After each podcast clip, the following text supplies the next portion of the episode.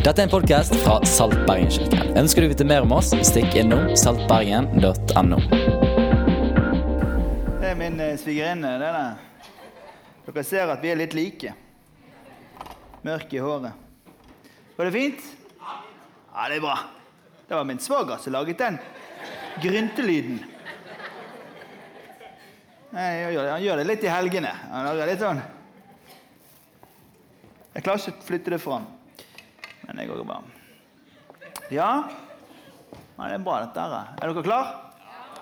Altså, jeg, Hvis jeg bare skulle snakke nå, så hadde jeg gått hjem. Men fordi at jeg ønsker å oppnå noe, så er jeg her. Fordi at det å være forkynner og være bergenser, det gjør at man er så full av ord. Man har en sånn en overflod av mengdevis med ord man har lyst til å si. Men forkynnelse handler ikke om å bare snakke. Det handler om å skape noe. Og Bibelen forteller oss at troen kommer av forkynnelsen, og forkynnelsen kommer av Kristi ord. Det vil si at De ordene som du velger å lytte til, de kan bygge en tro i deg. og Det er det jeg håper å kunne gjøre her i kveld. Jeg håper å kunne bygge noe tro inn i deg. Tro på at Gud faktisk ønsker å snakke til deg, og du kan høre på han når han snakker til deg. Du kunne gjort mye i kveld, men dette gjør du, og det er en god ting å gjøre. Er en veldig fin ting. Det er en fin ting. Det kan godt være at brannen rykker ned, folkens. Nei, men altså, Nå må ikke dere være ondskapsfulle her. Jeg sa det bare fordi at trønderne skulle bare vite og bare kjenne det at synden ligger i hjertet deres. Der i Midt-Norge og lurer. Eh, og det må dere bare erkjenne. Så du det? Så dere det? Da strekker jeg hendene ut til disse trønderne og ber. Nei, men hør. Nei, men det, Nå skal vi holde oss til saken. Jeg eh, har gledet meg veldig til å snakke litt om dette. Du vet, vi, vi bor i en del av verden hvor vi rent sånn samfunnsmessig og rent teologisk sett også, fordi vi har en dominerende folkekirke her oppe i den delen av verden, så har vi vent oss til at Gud han bor i en leilighet langt ute i universet en plass, og vi, vi bor her nede. Vi har språk rundt hva det vil si å snakke til Gud. Det kaller vi for bønn. Men når vi sier at Gud snakker til oss, da spør folk har det klikket for deg. Skjønner du? Driver du og hører stemmer inni hodet litt? Liksom. Det er jo en diagnose å høre fra Gud, men det er greit nok å snakke til ham. Og jeg syns det er ganske trist når jeg møter folk som eh, har gått et langt liv i etterfølgelse av Jesus. De har gjerne rukket å bli middelaldrende eller eldre i sin fysiske kropp, men de sier at de har tatt vare på barnetroen sin. Jeg, hører, jeg skjønner jo at det er sjarmerende å si det, men jeg syns det er litt trist allikevel. Fordi det er noe med at Når kroppen vår blir eldre, og vi er blitt voksne i vår fysikk og i vår sjel, så burde hele åndslivet vårt, det her hjertet vårt for Gud, har blitt med på den samme modningen. For Det går an å være et barn i sin tro, så går det an å være voksne og i en modningsfase i sin tro, og så går det an å bli moden i sin tro. Derfor så tror jeg det er galt at vi driver og sier at vi har barnetroen vår. Det blir litt sånn, altså det blir litt sånn, det blir litt for lett. Jeg tror ikke det er meningen at det skal være så. Jeg tror at Gud ønsker at, at vi skal utvikle oss og modnes i troen vår gjennom hele livet. Det er kanskje en ny tanke for deg, men jeg håper å kunne friste deg til å se at det, det er noe som du kan være du er interessert i. Jeg møter jo folk og Jeg har jo møtt meg sjøl også i perioder hvor jeg har stilt spørsmålet til Gud hva valg skal jeg gjøre nå. da? Hva, hva utdannelse skal jeg ta? Hvor skal jeg bo? Hva hus skal jeg kjøpe? Skal jeg leie her? Skal vi kjøpe nå? Skal vi kjøpe seinere? Sant? Du lurer på er det dette den jeg skal dele livet mitt med, eller burde jeg vente på den neste? Hvem av Bukkene Brus er det som går på min bro nå? kanskje du tenker. Skjønner Du meg? Så dette, du kan jo være i en situasjon i livet ditt hvor du rett og slett ikke vet. Men Gud vil ikke være stille i sånne situasjoner. Han vil ikke at vi skal være i uvisse. Han vil la seg finne. Han vil snakke til oss og hjelpe oss å forstå hva han sier til oss. Jeg tror at En av hovedårsakene til at vi ikke hører Guds stemme Det er ganske svært det å snakke om å høre Guds stemme. Det er det vi skal snakke om i kveld og i de ukene som kommer. Det er ganske svært å si det, men jeg tror at en av hovedårsakene til at vi ikke gjør det, det er at vi har ikke gitt oppmerksomhet til den stemmen i livet vårt. Altså Vi gir oppmerksomhet til mamma og pappa, og venninnen og bloggen og statistikken og alt det styret der. Men det å gi Guds stemme rom i vårt liv, det er noe som er ganske fjernt for oss i vår del av verden. Men jeg tror ikke at det er rett at det skal være sånn. Jeg tror at Gud vil snakke, og jeg tror at meg og det kan komme til et punkt hvor vi hører. Men så sitter vi her i 2014. Vi er et resultat av skolegangen vi har vært med på. Vi er et resultat av de tiårene som ligger bak oss, av utdannelse og av vitenskapsisme i vår del av verden, som sier at det er materien som er den sanne. Det usynlige det er litt sånn middelaldersk. Mange vil hevde at det er et framsteg. Andre, meg inkludert, vil si at det er bare tegn på vår dype fattigdom. Vi tror at vi eier fasiten av hvordan verden henger sammen. Og vi har mistet muligheten til å forstå at det som er i det usynlige, er også en vital del av hvordan livet vårt fungerer. Jeg syns det er skandale. Jeg er veldig glad i prinsessen. Men jeg syns det er skandale at i det offentlige rom så er det åndeligheten til de nyåndelige bevegelsene og New Age og en og annen forskremt trønder i Åndenes makt på NRK eh, eller på, på, TV Norge som skal ha definisjonsmakten for jeg det spøker, det spøker. Og så blir liksom alt liksom spøker det liksom. Spøker med garnklebb sånn, eh, Skjønner du? Hvordan var det der ordet igjen? Hvordan var Det Det var ruetkake med garnklebb. Ja? Kjempebra. Eids Vestnei. Herren sa til oss at vi skal elske våre fiender. Så jeg er blitt glad i trøndere.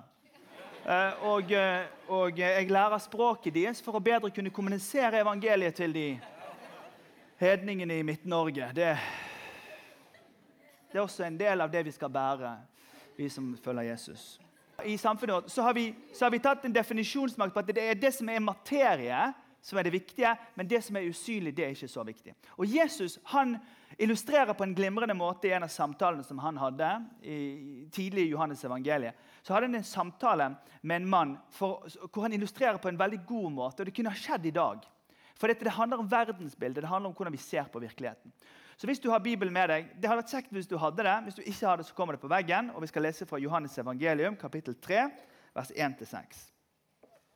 For der står det det var en mann som het Nikodemus. og Han var fariseer og en av jødenes rådsherrer. Han kom til Jesus om natten og så sa han, 'Rabbi, vi vet at du er en lærer som er kommet ifra Gud.' 'For ingen kan gjøre de tegnene som du gjør, uten at Gud er med ham.'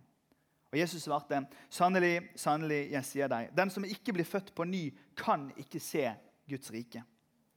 Hvordan kan en gammel bli født? Sa Nikodemus, kan noen komme inn i mors liv igjen og bli født for andre gang? Og Jesus svarte, sannelig, sannelig, jeg sier deg, den som ikke blir født av vann og ånd, kan ikke komme inn i Guds rike.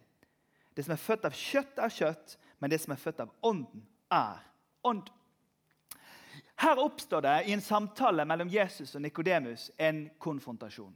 En konfrontasjon mellom en mann som har et verdensbilde som bare inkluderer det synlige, og Jesus som sier at verden er større enn det du ser.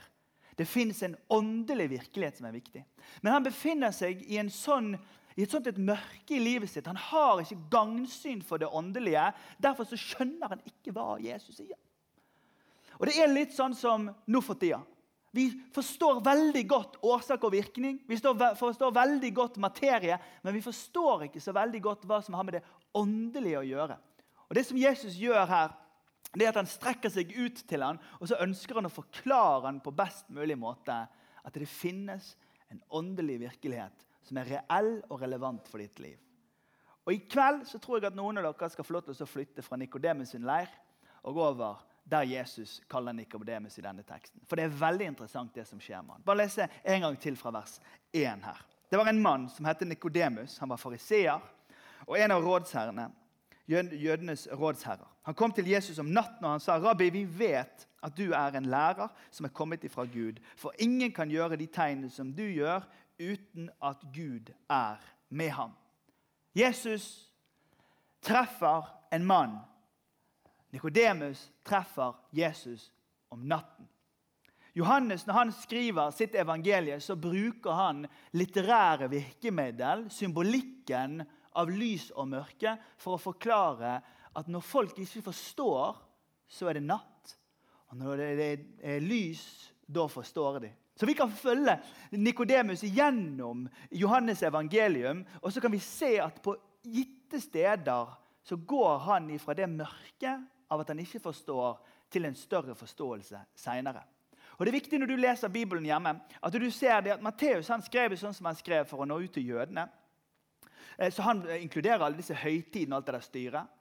Markus han skrev til romerne, så han, der går det veldig fort. og Nøkkelordet er plutselig, og det er høy fart. det er bare 16 kapittel. Så kommer det til Lukas, og han skrev til romerne og hedningene. så Han har ikke med alt det der jødiske styret. Det går litt treigere, og de har litt mer sånne tanker å styre med. Men Johannes han blir fort en favoritt for mange, fordi han har det her rike språket. Og Nikodemus kom til han om natten. Det var en periode av natt i livet hans. Han forsto ikke helt hva det gikk i. Men når vi treffer Nikodemus igjen i kapittel 7, da er det på gang at de skal ha rettssak imot Jesus. og Da sier Nikodemus Nikodemus, en av deres egne, han som tidligere hadde kommet til Jesus, sa da loven vår dømmer vel ikke et menneske uten forhør før en har fått vite hva en har gjort. Og Så får vi hintet helt tydelig at han nå har beveget seg litt. Nå tar han Jesus nesten litt i forsvar. Han som kom til Jesus før om natten, han tar Jesus litt sånn i forsvar akkurat nå. Og Neste gang vi treffer han, så treffer vi han etter at Jesus har dødd, og de holder på i begravelsen hans. Og Nikodemus var der, står det. Han som kom til Jesus den første gangen om natten.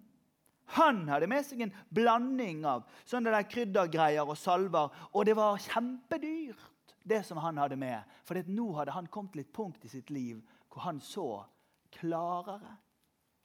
Folkens, det er ikke bare Nikodemus som beveger seg fra ingen forståelse til mer forståelse. Det er flere personer gjennom denne bibelboken som beveger seg fra et sted til et annet sted. Og jeg tror at det kan vi også gjøre. For det er skandale at det nivået Ola og Kari Nordmann sånn jevnt over kristne har av liksom vokabular rundt det å bli ledet av Gud, handler om en dør er åpen eller lukket. Har dere hørt det?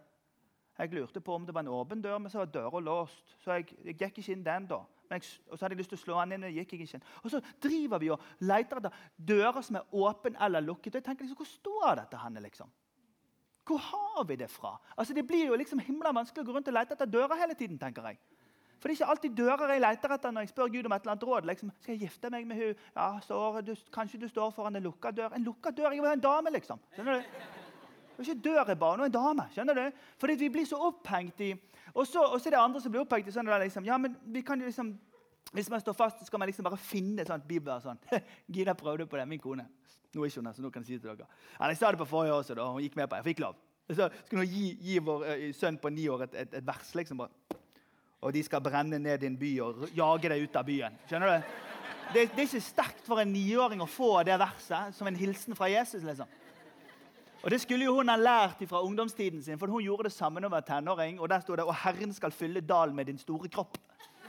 Og Det var jo ikke bra for hennes selvbilde heller. Så det er det der, og, og, og, og det er liksom det er på en måte, Når vi, når vi gjør disse her underfundige, varmluftsrare tingene, det er da vi tar hele Gud snakker til oss, ut i en sånn tåkeheim hvor vi rett og slett føler at det blir svermerisk, overåndelig og utrygt. Men vet du, det å si 'Gode Gud, hjelp meg å finne frekvensen', hjelp meg å finne hvordan du taler til meg, det er ikke en overåndelig og svermerisk greie. Fordi Gud er ikke stille. Gud taler til oss. Men det handler om at du og jeg kobler oss på for å lytte til han. Og Da kan vi få lov til å bevege oss sammen med Nikodemus ut av den leiren hvor vi er mørke, over i lyset og høre ifra han. Det søker jeg å overbevise deg om i løpet av de neste minuttene.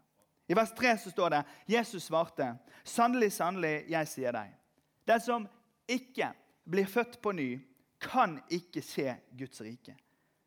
Og så spør han, hør på dette spørsmålet. Hvordan kan en som er gammel, bli født? sa Nikodemus. Kan noen komme inn i mors liv igjen og bli født for andre gang? Altså Det er ikke torsdagskveld fra Nydal, det er torsdagskveld fra Nasaret.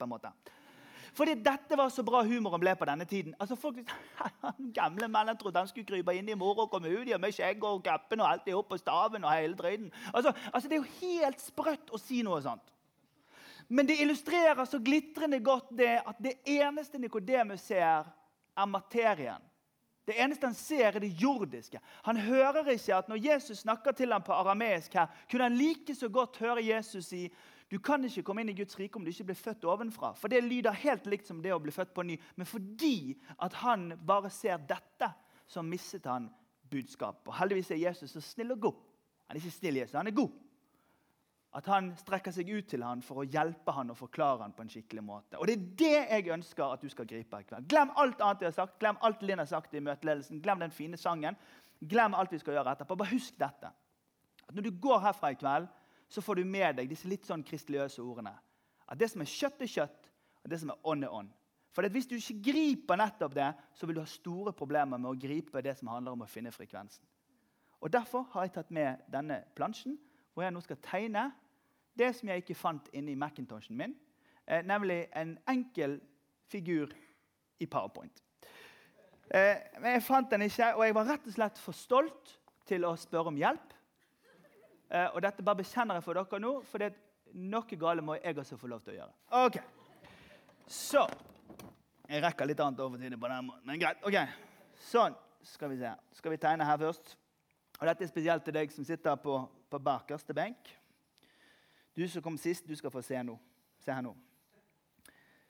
Så skriver jeg 'kropp' her. Og så vinker du ut Dette er en liten sånn studie. Nei, det er jo på søndag, det er jo på TV. Eh, eh, se her nå. Eh, se her nå. Se her nå. Dette her den, jeg tenker, Er det der en kropp, tenker jeg. Og jeg skjønner hva du mener, men jeg, sant det, Dette er på en måte eh, tegneferdighet møter plansje. på en måte. Det er ikke mer enn det. det dette er en kropp. sant? Og så For det, er viktig for meg at du forstår at vi lever i en tid hvor, hvor det kanskje bare den som betyr noe.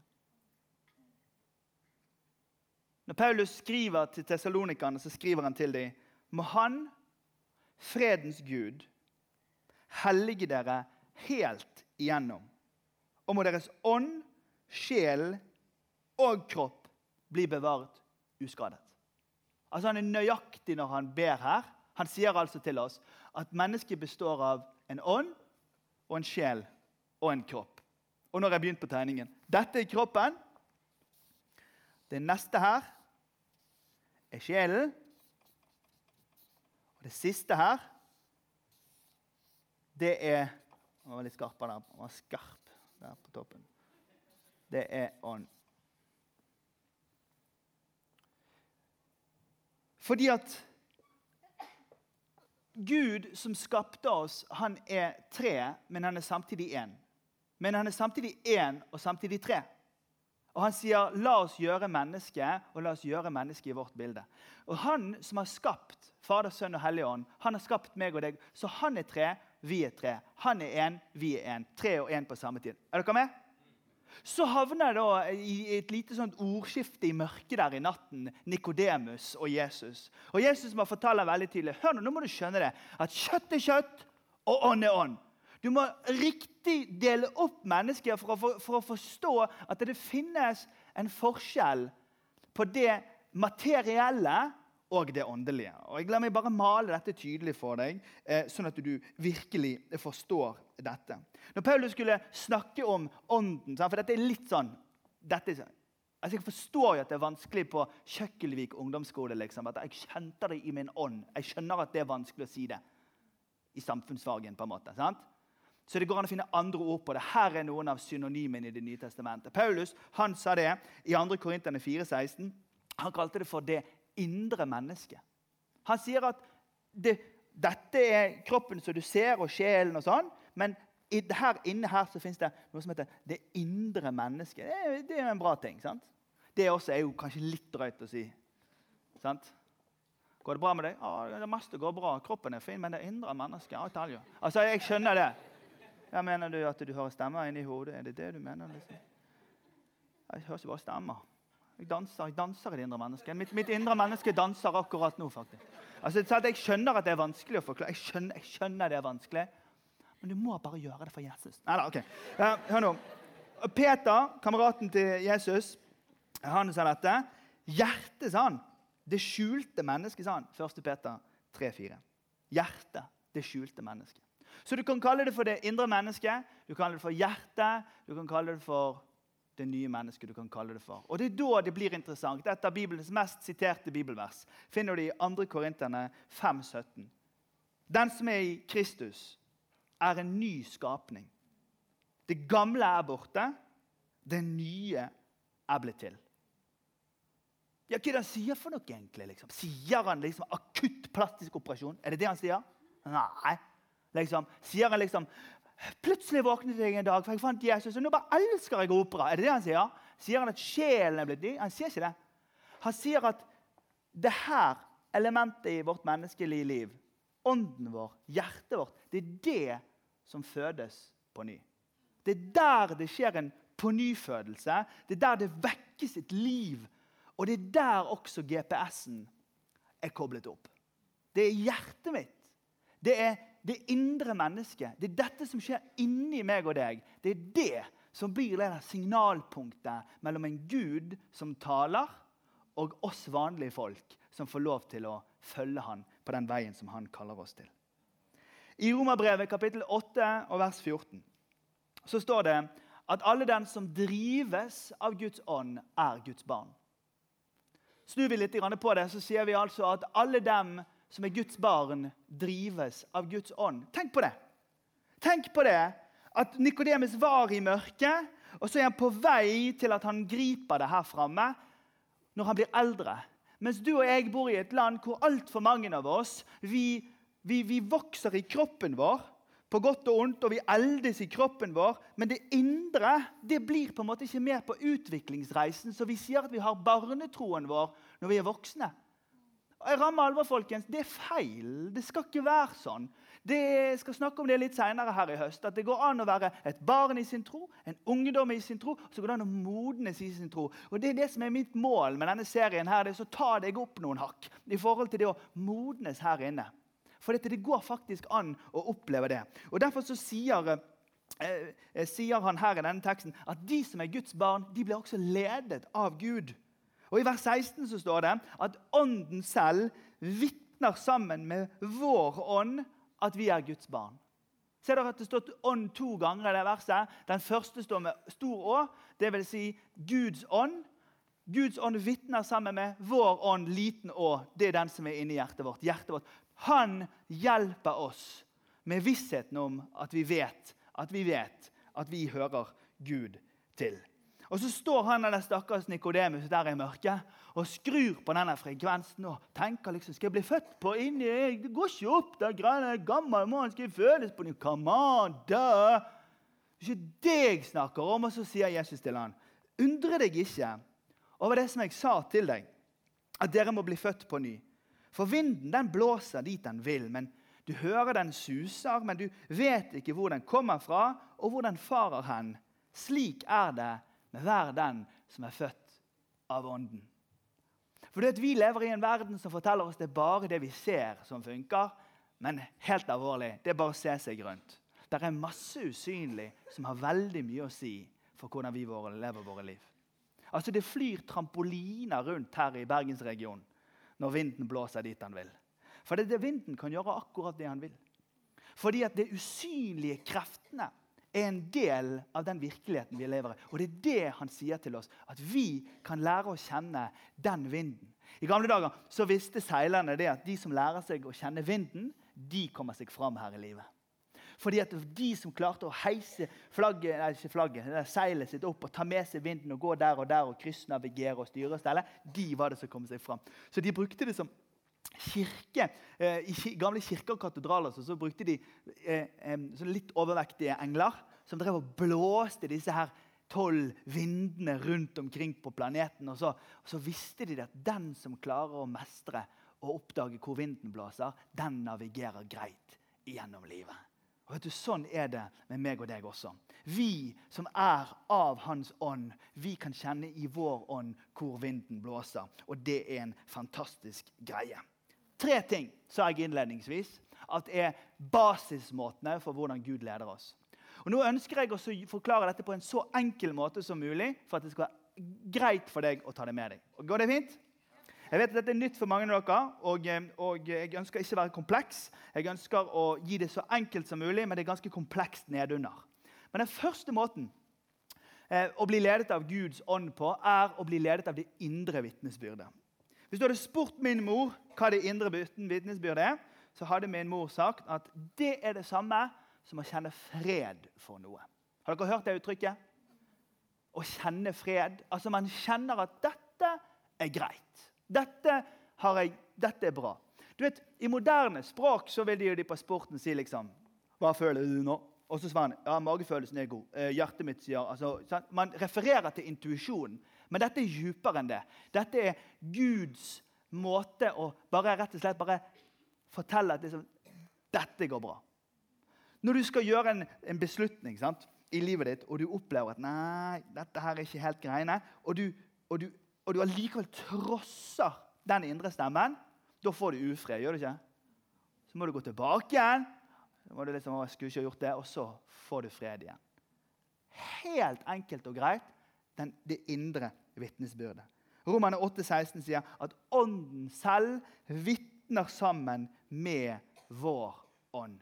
Han samarbeider med oss for å hjelpe oss å være på plass. Det er ikke vanskeligere enn det. Nå er vi ferdig med den første. Går det greit? Så begynner vi på den andre. Den indre stemmen. Det er nå det blir litt sånn.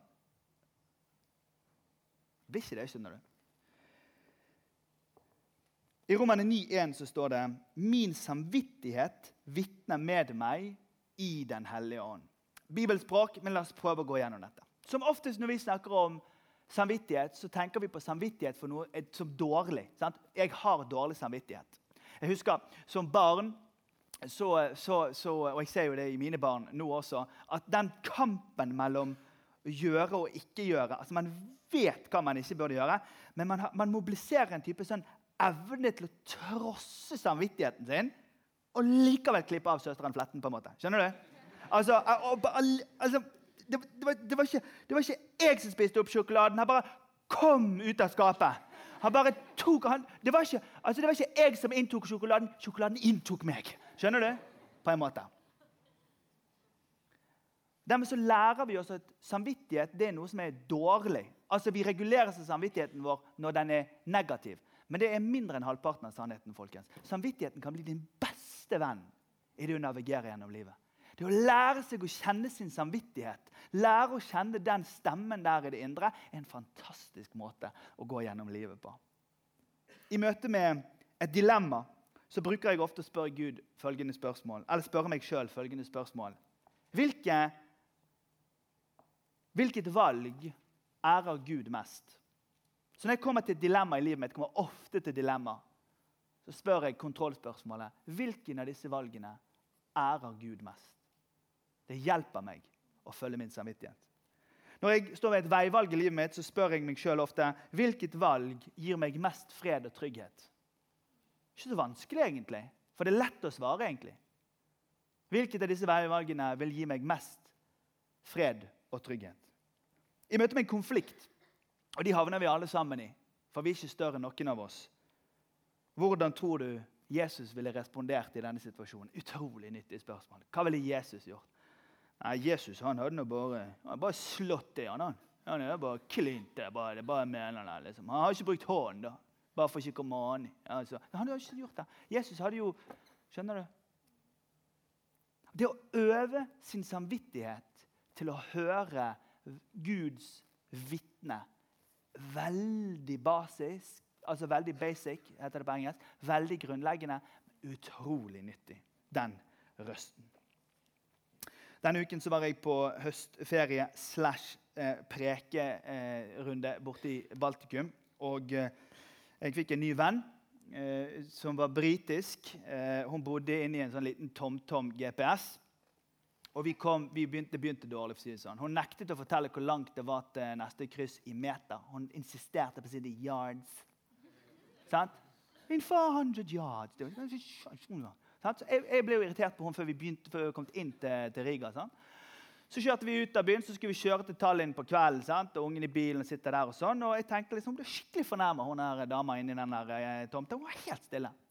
Hvis du har kjørt med en venn eller en make, og du har kranglet deg gjennom en by pga. et kart, så vet du at det kan bli ganske stille i bilen en stund. Men hun her dama var skikkelig gretten på meg. altså. Hun var stille helt til vi hadde kjørt to timer. Det var helt mørkt, og denne streken var helt bein.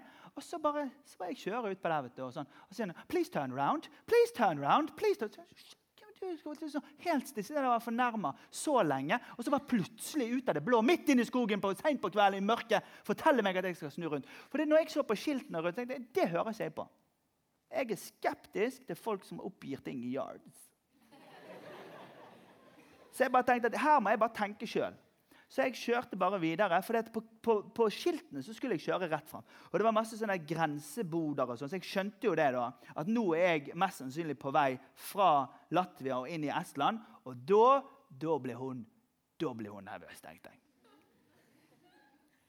Min erfaring er at som oftest så er det å følge Guds stemme det handler om å bare fortsette fremover. Det er veldig sjelden jeg har opplevd at Gud har sagt 'kast bilen over til høyre', 'hopp ut fra en bygning', 'ta på deg en fallskjerm', 'kjør ned Sjoa uten båt'. Altså, han sier, han sier Sånne crazy ting gjør Gud veldig sjelden med oss. Men derfor jeg bare tenkte, nei, hør nå etter alle, Denne veien går faktisk Hvis jeg skal turn around nå, så kommer jeg tilbake igjen der jeg kom fra. Og Hvis jeg kjører til høyre, så er jeg sikkert han der med motorsagen inni der. For dere har sett på en reklame på TV. Så, så jeg kjører rett fram videre. Og så roet hun seg. Please continue. Please continue. Da roet hun seg. For min erfaring er at når jeg går fra en komfortsone og over i neste sted i livet mitt sjøl, eller skal gjøre et stort valg, da fabrikkerer jeg av og til sånne meldinger. Nei, Jeg opplever at Gud sa til meg at jeg skal ikke, skal ikke, skal ikke ta den eh, eksamen der allikevel. Jeg bare kjenner det. Jeg bare kjenner inni meg at Uh, der eksamen Nei, han skal ikke ta eksamen. Det var han klar beskjed fra Gud at jeg ikke skal ta eksamen. Men hvorfor opplever du sånn? Nei, altså, jeg har jo opplevelse, jeg hadde en opplevelse tidligere at jeg skulle reise verden rundt og være litt Maldivene, kose meg litt. Eh, det du sier at du har ikke lest eksamen. Jeg har ikke lest så veldig mye, men jeg har opplevd klart at Gud sier til meg at jeg ikke skal ta eksamen. Og så fabrikkerer vi masse sånne meldinger for å beskytte oss sjøl. Og det er veldig nært beslektet og det kan fort misforstås for den indre stemmen. Og Det er ikke min stil å referere veldig mye til liksom, Gud sa, min, uh, Herren og alt sånt. Det, er ikke min stil. for Jeg vil ikke ha en sånn kultur i kirken vår her heller. fordi at Hvis vi går rundt og hører hele tiden, så kan vi bli litt sånn drøye. Vi kan bli litt, sånn, eh, vi, vi kan bli litt rar av det. Som oftest så inviterer Jesus oss til å bare gå rett fram. Så justerer han kursen ganske sånn rolig underveis. Jeg sier ikke at han ikke gjør brå ting, men han gjør langt færre brå ting enn de mest karismatiske blant oss ønsker at han skal gjøre. Og det som skjer Hvis man blir altfor opphengt i sånn det der, han sa, han sa, hun sa, han sa, og da, ups, der kom han ut av en busk, plutselig gikk nedover, så kom Jesus ut av busken, og så sa han Bæ! Og så sa jeg oi! Og så løpte vi, og så, og så ja, men, Er du sikker på at det var Jesus? Ja, det var ikke sikkert, men det, jeg opplevde at det var Jesus. Ja, men det var jo Han han har jo bodd på gaten her i 20 år. Han bor jo i den busken. Liksom. Ja, ja, men for meg var han en engel. Så begynner vi sånn ja. må Slutt med det der. Bare ro det helt ned. Men hør da, ro det bare helt ned. Svermeriet slår inn når vi blir så opphengt i å referere til det Gud sier til oss, at det, vi, blir, det vi som blir interessante. Og da, da, da, da, snakker vi ned denne vidunderlige måten å få lov til å bli ledet av Gud gjennom livet. Jeg prøver å gjøre det ganske tilgjengelig for deg her nå. Ser du det? Så kommer vi til den tredje. Å høre Guds stemme. Å høre stemmen hans når han taler til oss. Det er vanskelig for meg å si at det er sjeldnere at vi hører han snakke, eller at han gir klare beskjeder, enn det første. Men det virker for meg å være en progresjon i apostelens gjerninger. i den boken, At, det, han, at de, liksom, de, vokste seg inn i å lære å kjenne Guds stemme. Jeg, opplevd, jeg opplever å høre Guds stemme. Det ble veldig tydelig Guds stemme på når jeg skulle starte denne kirken. Det opplevde jeg Herren talte til meg. Talte meg før jeg ble ungdomspastor i en annen menighet her i byen. At det liksom Du skal bli menighetsplanter. Oi! Men så tok jeg jobben som ungdomspastor og så sa jeg, dere tar en sjanse når dere ansetter meg. for egentlig er jeg menighetsplanter. Eh, og Da tenkte de at det kom til å gå seg til, men det slapp jeg ikke tak i. for det var et viktig ord for meg. Formingen av denne kirken var sånne ting som Gud talte. så jeg skrev ned i boken min. Og uh, I fjor når jeg var i India, så talte Gud til meg og sa han at eh, når du kommer tilbake neste gang, så må du utfordre inderne til å bli misjonær i sitt eget land. Så nå skal jeg dit om, og reise neste mandag. Er her neste søndag. Jeg gleder meg til å preke her da. Men så reiser vi. Og da skal vi ha misjonskonferanse i New Delhi om 14 dager fra nå av. Og Da skal vi mobilisere indere til å være, inder, eh, til å være misjonærer til sitt eget land. For vi reiser jo herfra. Nå I høst reiser vi elleve stykker herfra på to ulike turer. og Det koster jo milliarder av svenske kroner og noen tusen norske eh, å komme seg dit eh, for å få gjort det. Men poenget er at at hvis ikke, hvis, tenk, tenk, om vi klarer å snu misjonstendensene i India, så at de reiser til seg sjøl. Det er jo helt fantastisk. egentlig. Tenk på det da. Så jeg bare opplevde tiltale. Så neste gang du reiser, så lager du en konferanse for å mobilisere indere til indisk misjon. Så kommer Rune Edvardsen fra Troens Bevis, sønnen til Arild Edvardsen. Han kommer opp fra Kongo. Så møtes vi i Delhi, så er vi der i 40 timer sammen. Og så utfordrer vi de folk. Opplevde Gud talte. Så handler vi på det han talte på. Så skal jeg gi rapport om tre uker når jeg, når jeg deler med dere. Er det greit, eller? For noen ganger når han snakker, så må vi bare gjøre det som han ber oss om å gjøre. Det indre vitnesbyrdet, den indre stemmen og når Den hellige ånd taler til oss. Skal vi reise oss opp og be sammen? Før vi ber, så skal jeg fullføre tegningen min. For det er slik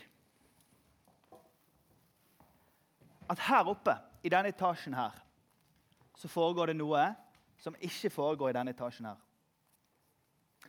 For her har meg og deg gleden av å gå på Kiwi og kjøpe billig frukt og gå på universitetet og lære oss masse kloke ting. Men her, i denne etasjen her, her og Her kan vi lese, og her kan vi ha årsak og virkning, og alt det er veldig bra. Ostepop og jordomseiling og sant? Alt er fint. Vi, vi, tror det er kjempefint. Vi er ikke imot det i det hele tatt. Applaus. Men vi tror at når det gjelder å følge Gud, så er GPS-koblingen mellom Den hellige ånd og vår ånd. Der skjer det noe. Og det er ikke svermerisk. Det er ikke fjernt, det er ikke overåndelig, og det er ikke varm luft. Det er Guds design for å lede oss. Og jeg tror at neste gang du kommer til et veivalg i ditt liv, neste gang du kommer i en konflikt i ditt liv, neste gang du skal fatte en stor bestemmelse i ditt liv, neste gang du går i møte med en krevende situasjon som du ikke vet hvordan skal komme ut av dette, så utfordrer jeg deg til å si Hellig Ånd, hva vil du si til meg? Hva er veien videre for meg, så at jeg kan følge din vei? Han er ikke stille. Han vil gjerne snakke. Men du og jeg skal ikke ende opp her framme og referere til en barnetro. Vi skal få lov til å flytte oss med Nikodemis ifra at ikke vi skjønner, fordi vi bare skjønner det materielle, og så skal vi få lov til å være de i en verden som bare snakker om dette nivået, så skal vi få lov til å snakke om dette nivået. Og det er ikke Märtha Louise og engler og et eller annet fantastisk som gjør oss interessante, men det er at han blir interessant. For vet du hva som skjedde med meg når jeg sto i den konflikten? Nå ba jeg til Gud. Så Gud, han svarte meg i den situasjonen. Jeg er så takknemlig til Jesus, for når jeg sto overfor den vanskelige situasjonen, så talte han til meg. Hvem er det som får ære da? Da er det han som får ære. Og jeg syns det er en skandale at åndelighet i det offentlige rom i dette landet av kristne omtales som en barnetro som gjør at vi blir helt impotente, hele gjengen. Og så tar Märtha Louise og gjengen over hele showet, og så er det de som får ære. Not any longer. Vi trenger å reise oss opp som gjeng og så si det at vi ønsker å være sånne. Men ledes av Guds ånd i livet vårt.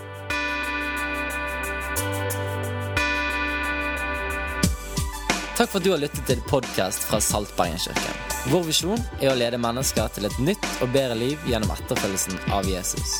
Følg gjerne med på hvordan vi realiserer dette, og hvordan du kan delta ved å besøke saltbergen.no.